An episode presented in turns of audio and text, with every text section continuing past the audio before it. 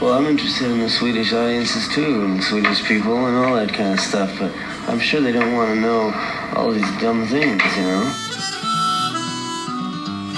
I believe that they know. They know. Don't you, don't you know the Swedish people? I mean, they don't have to be told. They don't have to be explained to. Ja, välkomna till eh, Vi snackar Dylan, den svenska Dylan-podden. Och det här, den här gången så ska vi träffa Ola Holmgren. Välkommen Ola! Kul att ha dig med. Ja, hejsan. Och eh, idag så ska vi eh, prata om Lay Down Your Weary Tune. Men innan vi kommer in på det så kan du säga någonting om hur, hur kom du in på Dylan? Ja, det var ju väldigt tidigt. Jag, jag var ju faktiskt på en Dylan-konsert redan på 60-talet. Det var den här eh, när han gjorde sin comeback på Isle of Wight 69. Eh, det var ju, då var ju, det var ju då den här Woodstock-festivalen var. Va? Och han var inbjuden till den naturligtvis. Han bodde ju i Woodstock. Men istället valde han att åka till andra ändan av jordklotet va? Och, och vara med på den här någon slags liknande konsert. För det var ju 400 000 i publiken på Isle of Wight. När han eh, kompade av då The Band. Gjorde ja, en jag var på väg dit, jag har berättat den historien i tidigare avsnitt, vi kom aldrig dit sen, så det var ju tragiskt. Så därför är jag väldigt nyfiken att höra, hur hittade du dit och hur var det att komma in och sådär? Ja, men som alltid va, så, så när man är, sitter i den här 400 000 hövdade publiken, då, man hör ju inte så bra. Va? Nej. Och precis som i Roskildefestivalen är det väldigt mycket lera, va? det är mycket umbäranden och jobb. och jag måste säga att det som eh, slog mig och, och det jag minns än idag, det är hur Dylan var klädd. Jag såg ju honom på långt avstånd. Han hade liksom en, en vit kostym på sig. Va? Och det fattar man ju inte. Vad fan, Dylan, hur ser han ut? Ju... I efterhand sitter man ju inne med facit, då vet man ju mer. Va? Men då eh, blir man ju väldigt... Eh, ja. Jag har ju sen förstått att den där eh, kostymen han hade då, det, det var ju en någon slags imitation av Hank Williams. Aha. Det speglar ju på något sätt eh, Dylans att han hade gått in i countrymusiken på ett helt annat sätt än man eh, visste om och så. Eh, så det var mycket, mycket förbryllande på många sätt. Eh, och vet, jag har ju sen hört, för det finns ju naturligtvis att ladda ner och den har väl kommit ut CD också, den här Isle of Wight-konserten. Den var ju helt fantastisk när man lyssnar på den i efterhand. Men då, när man satt där, då, då då lämnade den mycket övrigt att önska, det, det måste jag säga. Ja, jag kollade spellistan för att eh, när jag lyssnar på Another Self Portrait nu så, så öppnar de med en låt som, som jag inte kände igen egentligen. Och, och då är det jättejubel från eh, publiken, det är ganska fin ljudkvalitet. Eh, men sen så tonar de ut det hela och det är inga slutapplåder, så jag tänkte att ah, kanske blir buanden. Eller, hur, hur var känslan när man, när man satt där? Han var ju väldigt försenad. Men, och det var ju, han var ju en i raden av en oändlig mängd artister va, som uppträdde där. Mm. Så att, eh, Ja, det man minns det är ju mer eh, det som hände en själv under den här konserten. Hur man tog sig dit och så vidare. Och att man ändå var nöjd med att man satt där i leran när det kom till kritan. Det var, själva konserten kunde jag inte uppleva speciellt mycket av, det måste jag ja. säga. Okay. Du har ju eh, skrivit en bok som heter Stickspår. Ja, just det. Ja. Och innan dess, innan dess så, så gjorde du en Dylan-podd i fyra avsnitt med Peter Holst. Ja, just det. För, för att ni säger i något avsnitt där att du funderar på att skriva en bok och ska du göra det och så vidare. Ja, alltså det började så här då. Jag, jag jobbade ju då på Södertörns högskola och jag hade en kollega han var musikpedagog, vad nu det var, jag förstod inte riktigt det. Men han var, ju en schysst kille som... Vi skulle då skriva en sån här vänbok, det är ju en sån här tradition i akademiska kretsar att man skriver en sån här vänbok när någon fyller år eller så vidare. Och då tänkte jag, då kan jag väl skriva om eh, Dylan då, eftersom det skulle handla om musik. Det hade jag aldrig gjort förut. Så jag skrev det som sen blev första kapitlet i den här boken, Stickspår. För sen tänkte jag, ja, jag fortsatte att skriva bara farten. Jag skrev om andra låtar också. Och det blev då åtta stycken sammanlagt. Kan du förklara titel, titeln? Stickspår. Ja, alltså det är ju outtakes. Det är ju låtar som aldrig kom med på, de, på hans officiella album. Och det var ju något som tidigt förbryllade mig, va? att eh, många sådana här outtakes som kom ut i efterhand, ja det kunde ju vara decennier i efterhand som de kom ut, va? de var ju ofta bättre än de låtar han hade med på, på albumet. Jag förstod inte det där. Har han inget omdöme eller vad, vad vill han med det här? Eh, och det var därför jag samlade åtta låtar som var just outtakes och som man kan kalla stickspår. Då. Du har ju ett tema i den där boken om tiden. Alltså du hävdar ju envist att, att Dylan har ett annat tidsperspektiv än, än på något sätt säger han skriver för evigheten. Kan du utveckla det där lite? Ja, alltså mycket beroende på dessa outtakes som verkar leva sitt eget liv. Va? Stickspåren vid sidan av, av huvudspåret. Eh, de eh, befinner sig på sätt och vis utanför tiden.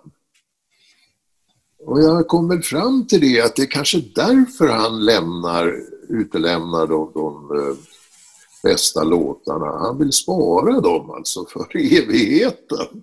Alltså. För det är klart, om man ska skriva om Dylan, och det har gjort så oändligt mycket, så, så vad ska man bidra med? Så det här var ju ett, ett, ganska smart grepp att, att okej, okay, jag tar de där outtakes, jag tar bara åtta låtar och så, och så fokuserar jag på det. Ja, alltså jag har ju läst in mig på otroligt mycket Dylaniana. Och jag har ju förstått att det, man kan inte bidra med så mycket va? i ett sånt sällskap av stora dylanologer va, som har skrivit om honom. Så det börjar med det här äh, bidraget i den här vänboken till, till Sten och sen tänkte jag, ja, jag kan skriva de här också. Eh, ett blygsamt bidrag, ja för all del, men du hade också en, en storvulen undertitel, alltså åtta anledningar till att Dylan ska få Nobelpris i litteratur. Ja. Och så fick jag Nobelpriset. Ja, var det tack vare dig Ola? Ja. Du skickar den direkt till... Jag har fått veta, eller man har undrat om jag inte bidrog till att han fick Nobelpriset. För jag har ju vänner inom akademin och så. Jag minns speciellt Horace Engdahl som är en gammal vän till mig. Han, jag visste ju att han lilla Dylan. Så jag skickade manuskriptet till honom. Och sen fick jag inget svar och det förundrade mig. Du vet, de är, ledamöterna, de, de är ju belagda med... De tysta, de är tysta, ja visst.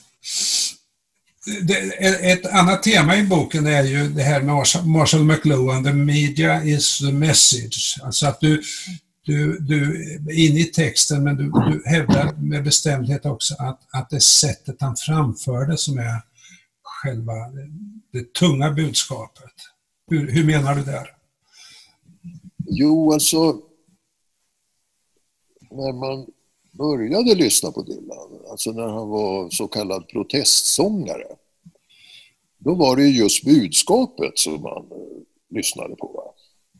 Vad han förmedlade. Eh, jag förstod nog inte riktigt då att eh, det var så otroligt viktigt hur han förmedlade detta budskap som, som räknades. Det vill säga hans röst, hans uh, sätt att framföra det, ja, hans, hans persona va, var, var väldigt viktig för, för musiken och för texterna och allting. Va. Det vill säga, han själv som medium var budskapet. Va? Man skulle inte söka budskapet i innehållet i det han sjöng eller så. Va? Utan det var själva framförandet som var grejen. Och många har vittnat om det också, att, att första gången man bara hör rösten, för, att, för jag minns ju på 60-talet, det var inte så alldeles enkelt att, att förstå vad, vad, vad, det var för ord han sjöng och så vidare, men det var, det var just att det här är något annat, det är något annorlunda, eller hur? Som, som fångade en, en slags livshållning. Som... Jo, jag känner igen mig i det du säger här, att man tyckte att han hade en väldigt konstig röst, men han sjunger ju ändå om viktiga saker. Va? Men med tiden, och det gick väl ganska snabbt, så förstod man att den här nasala rösten med väldigt hög kompression, va? det är ju det. Mm. Det finns ju en återhållen kraft i rösten som verkligen vädjar till fantasin och där man kan föreställa sig att rösten är på något sätt, ni vet, du vet den där istoppsteorin, att det är bara toppen på isberget. Det finns så mycket under mm. som man sen upptäcker, men kanske man inte, som man inte förstod första påseendet. Nu, innan vi släpper Stickspår, som jag verkligen rekommenderar till läsning. Förresten, vilka, är det, vilka låtar är det du skriver där? Har du dem i huvudet? Ja, jag har väl ja, jag har kanske inte alla, men jag börjar ju med den här låten Red River Shore. Mm. Som är ju en ganska sen outtake. Det var ju den som var bidraget till den här vänboken från början. Och sen fortsätter jag med, ja det är Mississippi, det är, eh, ja just nu kommer jag inte riktigt på. Blind, Blind Willie McTell avslutade med. Blind Willie McTell, den avslutade ja. ja. Och, och eh, det är ju flera utav de här som jag ser som självklara val, men en som, som överraskade mig som jag upptäckte, den där har jag överhuvudtaget inte lyssnat på ordentligt och som du skrev så fantastiskt som var Angelina. Alltså, ja, Angelina. Ja. Den, den, låten skulle vara värd en egen podd här, men det får väl bli framöver kanske. Ja. Um, men ska vi gå in lite på dagens ämne nu då? Lay down your weary tune. Mm. Kan vi inte börja med att du läser lite i början av den? Ja, den är ju märklig eftersom den har ju inget, ingen brygga, va? Eller, utan stroferna påminner ju varandra allihop. Och det finns en återkommande strof som, som heter just Lay down your weary tune. Lay down. Lay down your weary tune, lay down. Lay down the song you strum and rest yourself neath the strength of strings. No voice can hope to hum. Ja, det är liksom första strofen. Mm. Ja, och, och, och, och, första raden där på konsertinspelningen, han har ju sjungit den här i konsert en gång i eh, Carnegie Hall. Va? Ja. Och då sjunger han inte så som du sjunger, utan då sjunger han Lay down, lay down your weary tune. Just det. Just det. Eh, men i texten då står det ja. Lay down your weary tune, lay down. Och så hörde jag den här eh, fjärde raden där, där du verkligen drog ut på det där. No voice can hope to. Varför gjorde du det? ja, visst.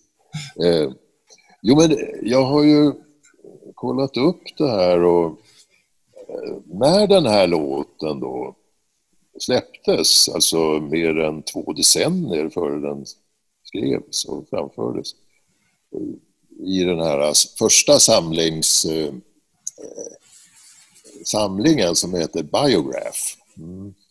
Den kom väl någon gång i mitten på 80-talet? 85, ja. 85. Ja. Där säger ju Dylan att, att äh, låten var inspirerad av en skotsk ballad som han hade hört någonstans.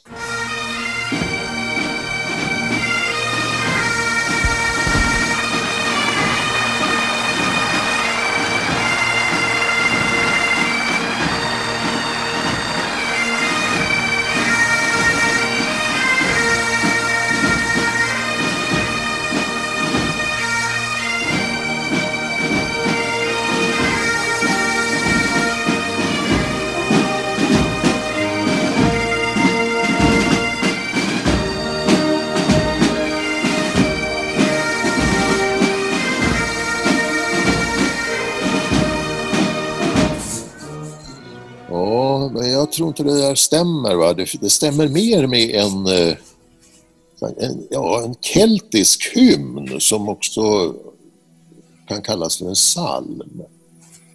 I heard the voice of Jesus say,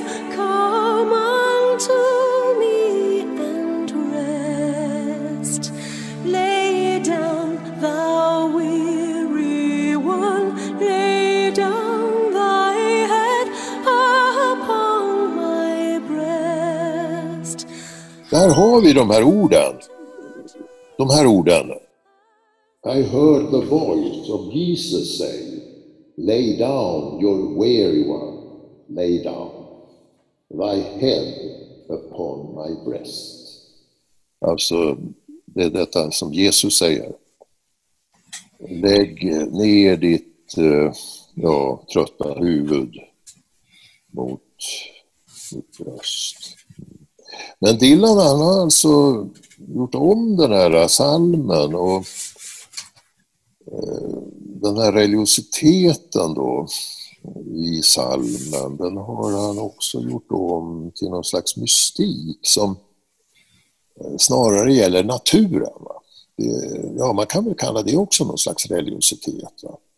Alltså det här är ju, alltså Lay down your weary tune, det är den första låten som Dylan skriver som avviker från det här som man kallar för protestsångerna. Han har fått upp ögonen för någonting annat. Va? Det finns något visionärt i den här låten som eh, överskrider det han höll på med tidigare. Något överväldigande, något stort. Och, och den avviker väl, alltså nu är jag inte så bevandrad, men för mig känns det som den avviker från hela hans produktion därför att den här är ju, det finns inga personer i den. Det är, det är bara naturen och musiken. Ja.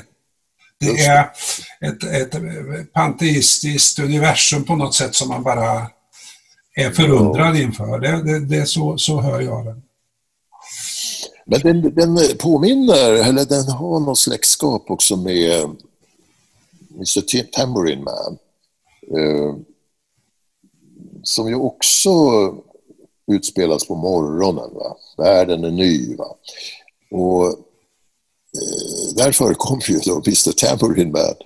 Eh, men här är det egentligen bara han och naturen, va? sångaren och naturen som gäller. Han skrev ju den här låten när han eh, bodde hos eh, uh, Joan Baez. På hennes ställe, Big Sur var det väl, på, på amerikanska västkusten. Söder om San Francisco.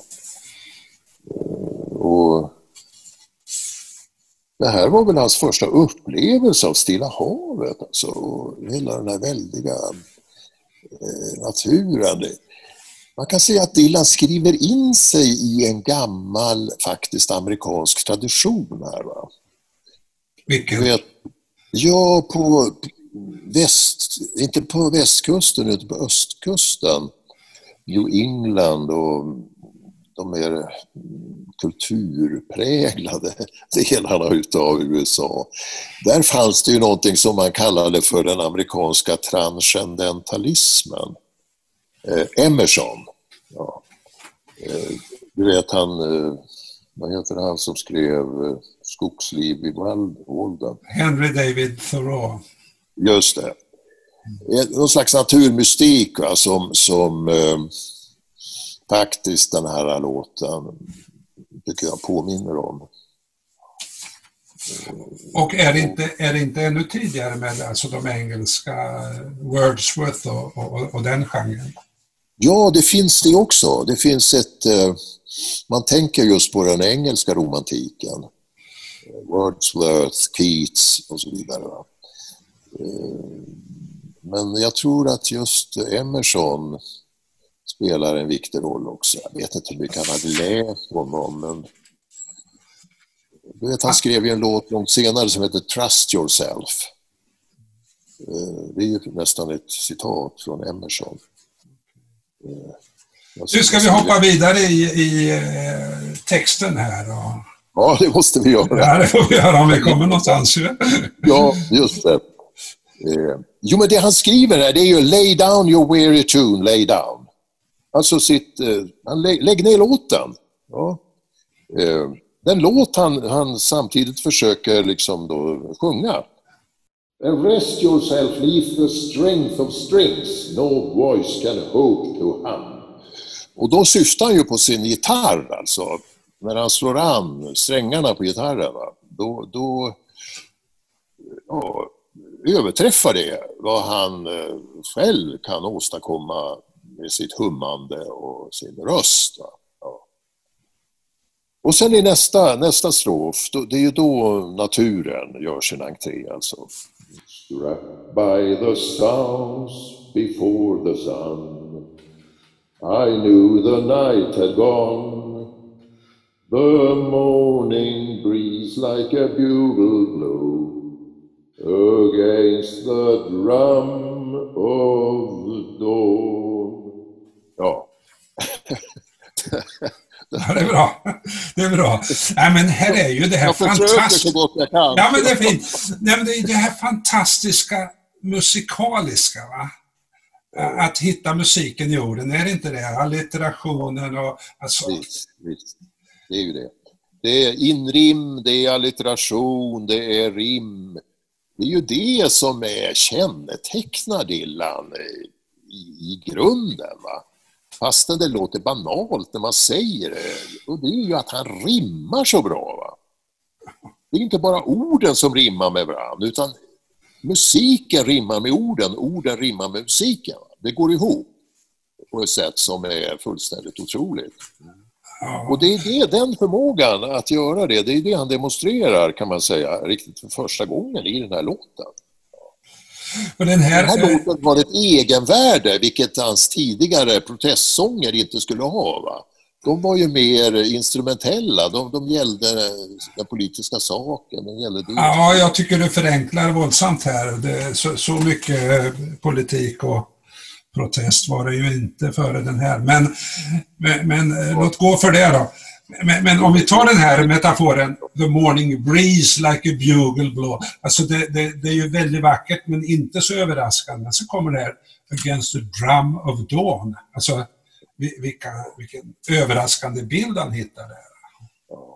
Och så, jag vet inte om du, om du håller med mig, men jag får den här bilden nu om du har sett på Youtube sådana här, vad heter det, flashmobs.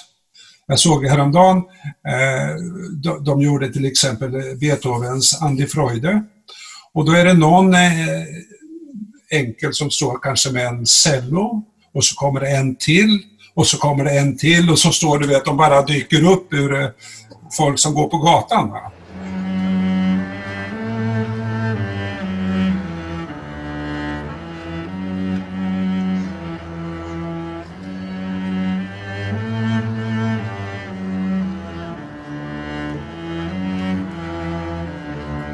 Och så blir det fler och fler och det fylls på, det blir mäktigare och mäktigare och det är som en stor, enormt brus i hela stan där. Va?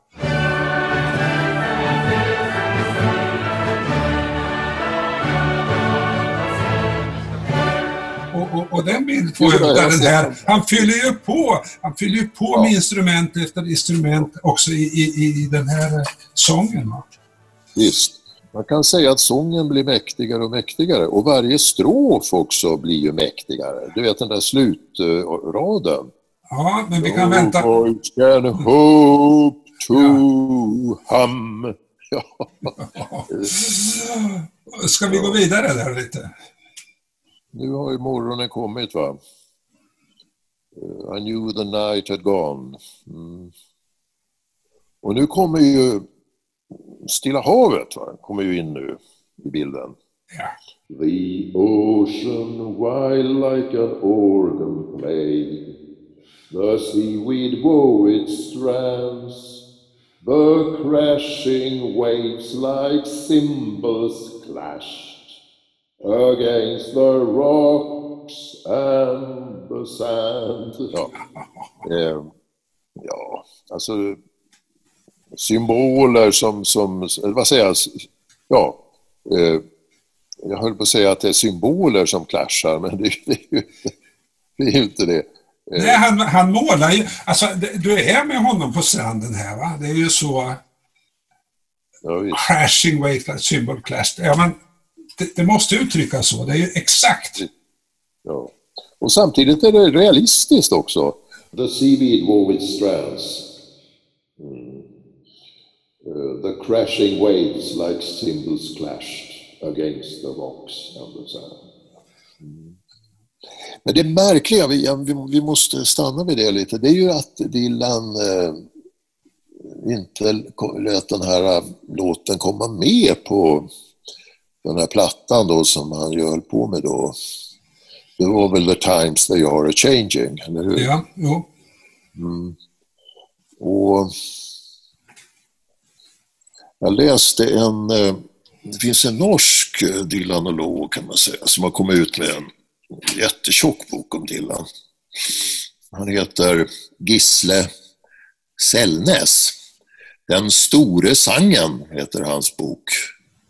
Och han skriver väldigt, eh, tycker jag, bra om just Lay down your weary tune. Och han kallar den här låten det låter ju lite akademiskt, hans bok är väldigt akademisk också, men han kallar den här sången för, jag har inte stött på det där uttrycket förut, men han kallar den för a vanishing mediator.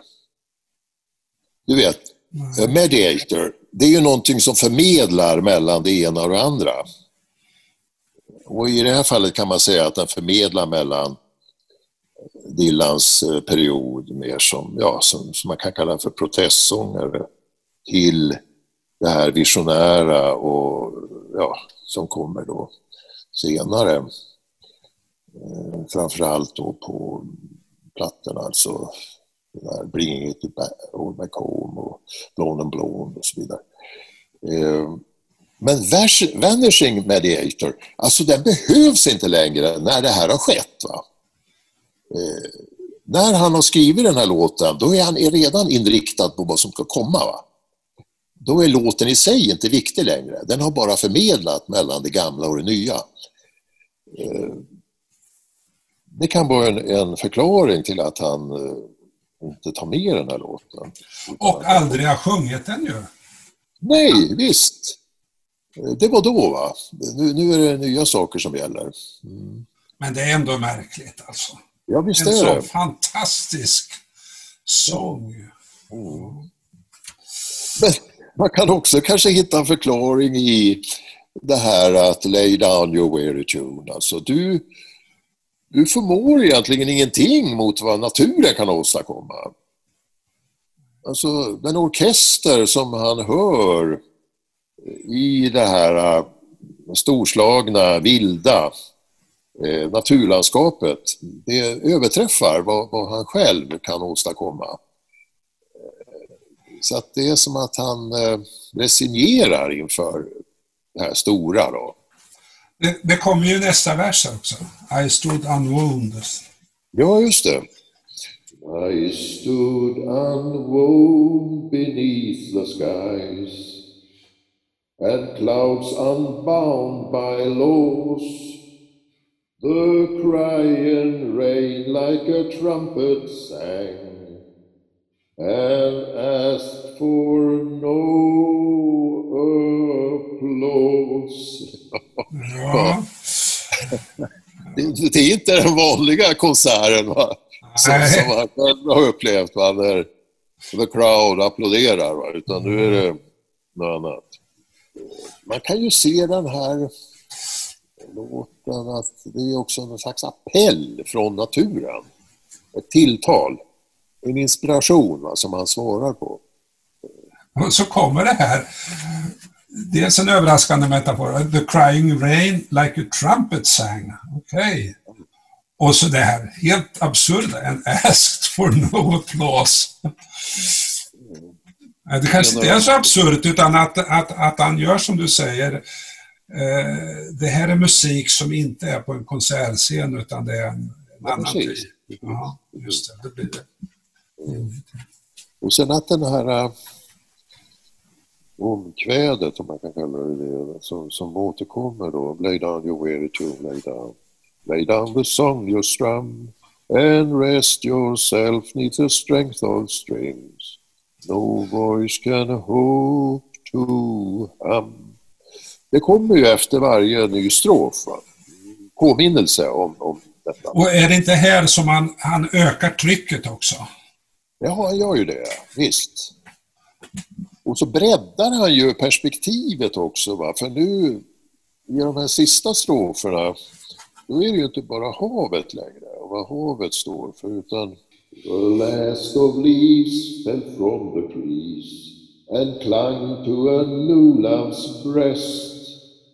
The branches bear like a banjo moan to the winds that listens the best. Så nu är kärleken förs in i bilden. Va? Och eh, nu är det löv som, som faller. Nu är det trädsgrenar va? som, som eh, jämrar sig som en banjo. Och vinden som that listens the best. Vad, heter det i den här mest kända av Dylans låtar? Alltså in the wind. in the wind. Men, men vi hör ju här också hur, apropå den här flashmobben, va, det är instrument efter instrument som läggs till. Och, och, och, och, och ofta med ett ganska oväntat ljud. En, en banjo har vi alla hört, men har vi hört en stöna, banjo moan alltså? Nej, det, har vi nog inte gjort. Nej. Eh, Det här liknar ju liksom modernistisk lyrik, va, där man ställer samman två oföränderliga saker egentligen. Och vill uppnå en ny effekt genom det. Vad är det det kallas? Katakres, tror jag. Mm. Katakres, det var ett vackert ord. Det har inte Dylan använt, vad jag vet. Nej, nej.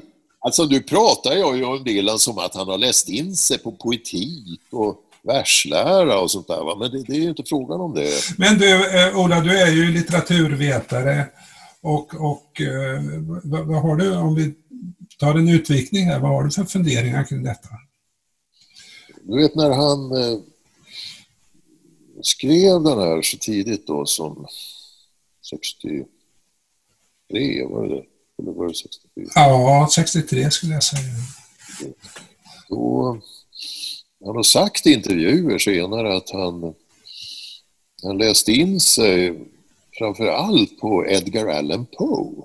Ja. Eh, Som ju också tillhör den här, kan man säga, visionära traditionen i den amerikanska litteraturen. Och, och som är så rytmisk och musikalisk i sitt sätt att skriva poesi. Va? Det är något Precis. otroligt. Ja. Och som också är en mästare i eh, allusioner, allitteration, inrim och, och rim. Eh, så jag kan tänka mig att han är påverkad av Poe här. Va? Ja.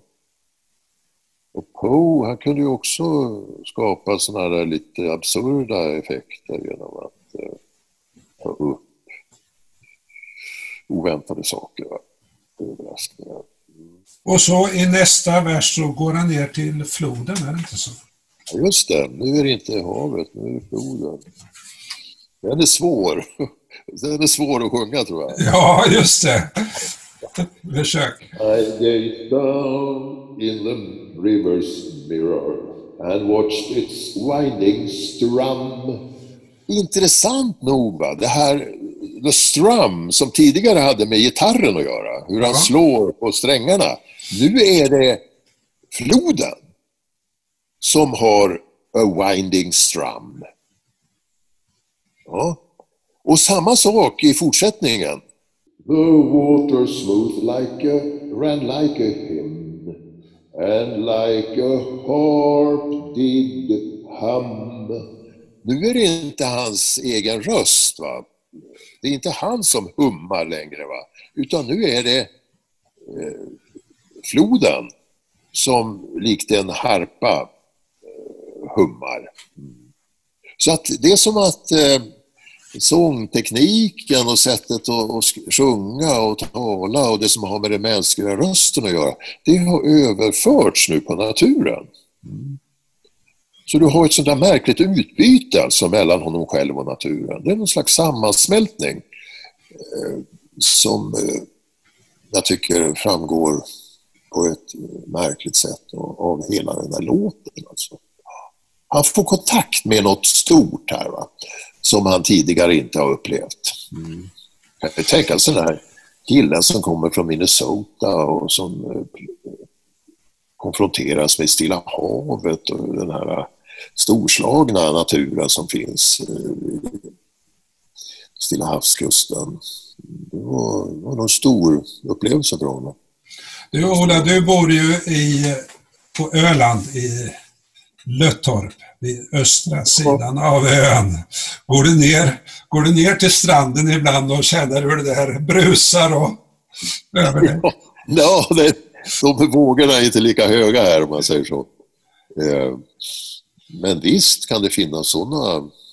Det stormar ju här också. Man kan uppleva havets och naturens storheter också. Det kan man. Men jag tänker på um, uh, i en podd som du gör med Peter Holst så, så ställer ni frågan varför, varför lyssnar vi på det här? Varför snackar vi om det här? Och ni släpper den frågan efter ett tag men, men det, det, det tycker jag finns hela tiden. Varför håller vi på med detta? Och ett svar kunde ju vara när det gäller den här sången att det här är ju någonting som, som vi alla känner igen men alltså, att upplevelsen förhöjs och fördjupas i den här sången utav den här otroliga musikaliska gemenskapen med naturen som jag, jag tror alla människor känner någon gång, eller vad säger du om det? Ja, det- Visst, visst, det är ju en, eh, kan man säga, en förhöjd naturupplevelse. Eh, vi har nog alla varit i närheten av det här. Och det är det vi upplever när vi hör den här eh, låten. Mm. Det är märkligt faktiskt. Mm. Det är, en, det är en ständigt återkommande fråga i den här podden. Varför, varför lyssnar vi på detta? Och varför släpper vi det inte? nu? Mm. Ja, det, kunde jag svara på det då, då, då skulle väl den här mystiken skingras och eh, jag tror inte att vi har svaret på det faktiskt. ja, men det får bli nästa bok, Ola, du skriver. Ta det som en utmaning. Ja. Tack ska du ha för eh, att du vill vara med i, eh, i eh, denna Ja, tack podd. själv. Och, och jag vill passa på och, och rekommendera, som ni förstår, eh, boken Stickspår, men också eh, Dylan-podden. Eh, om ni googlar på det, och den ligger på Youtube. Det är alltså Ola och Peter Holst. Och ni pratar om diverse ämnen där, till exempel Waterfront-konserten 2017 och ni pratar ganska noggrant om Tempest-skivan och eh, om lite annat. Så det är väl värt att lyssna på fyra avsnitt. Tack ska du ha Ola. Ja, tack själv. Tack själv. Mm.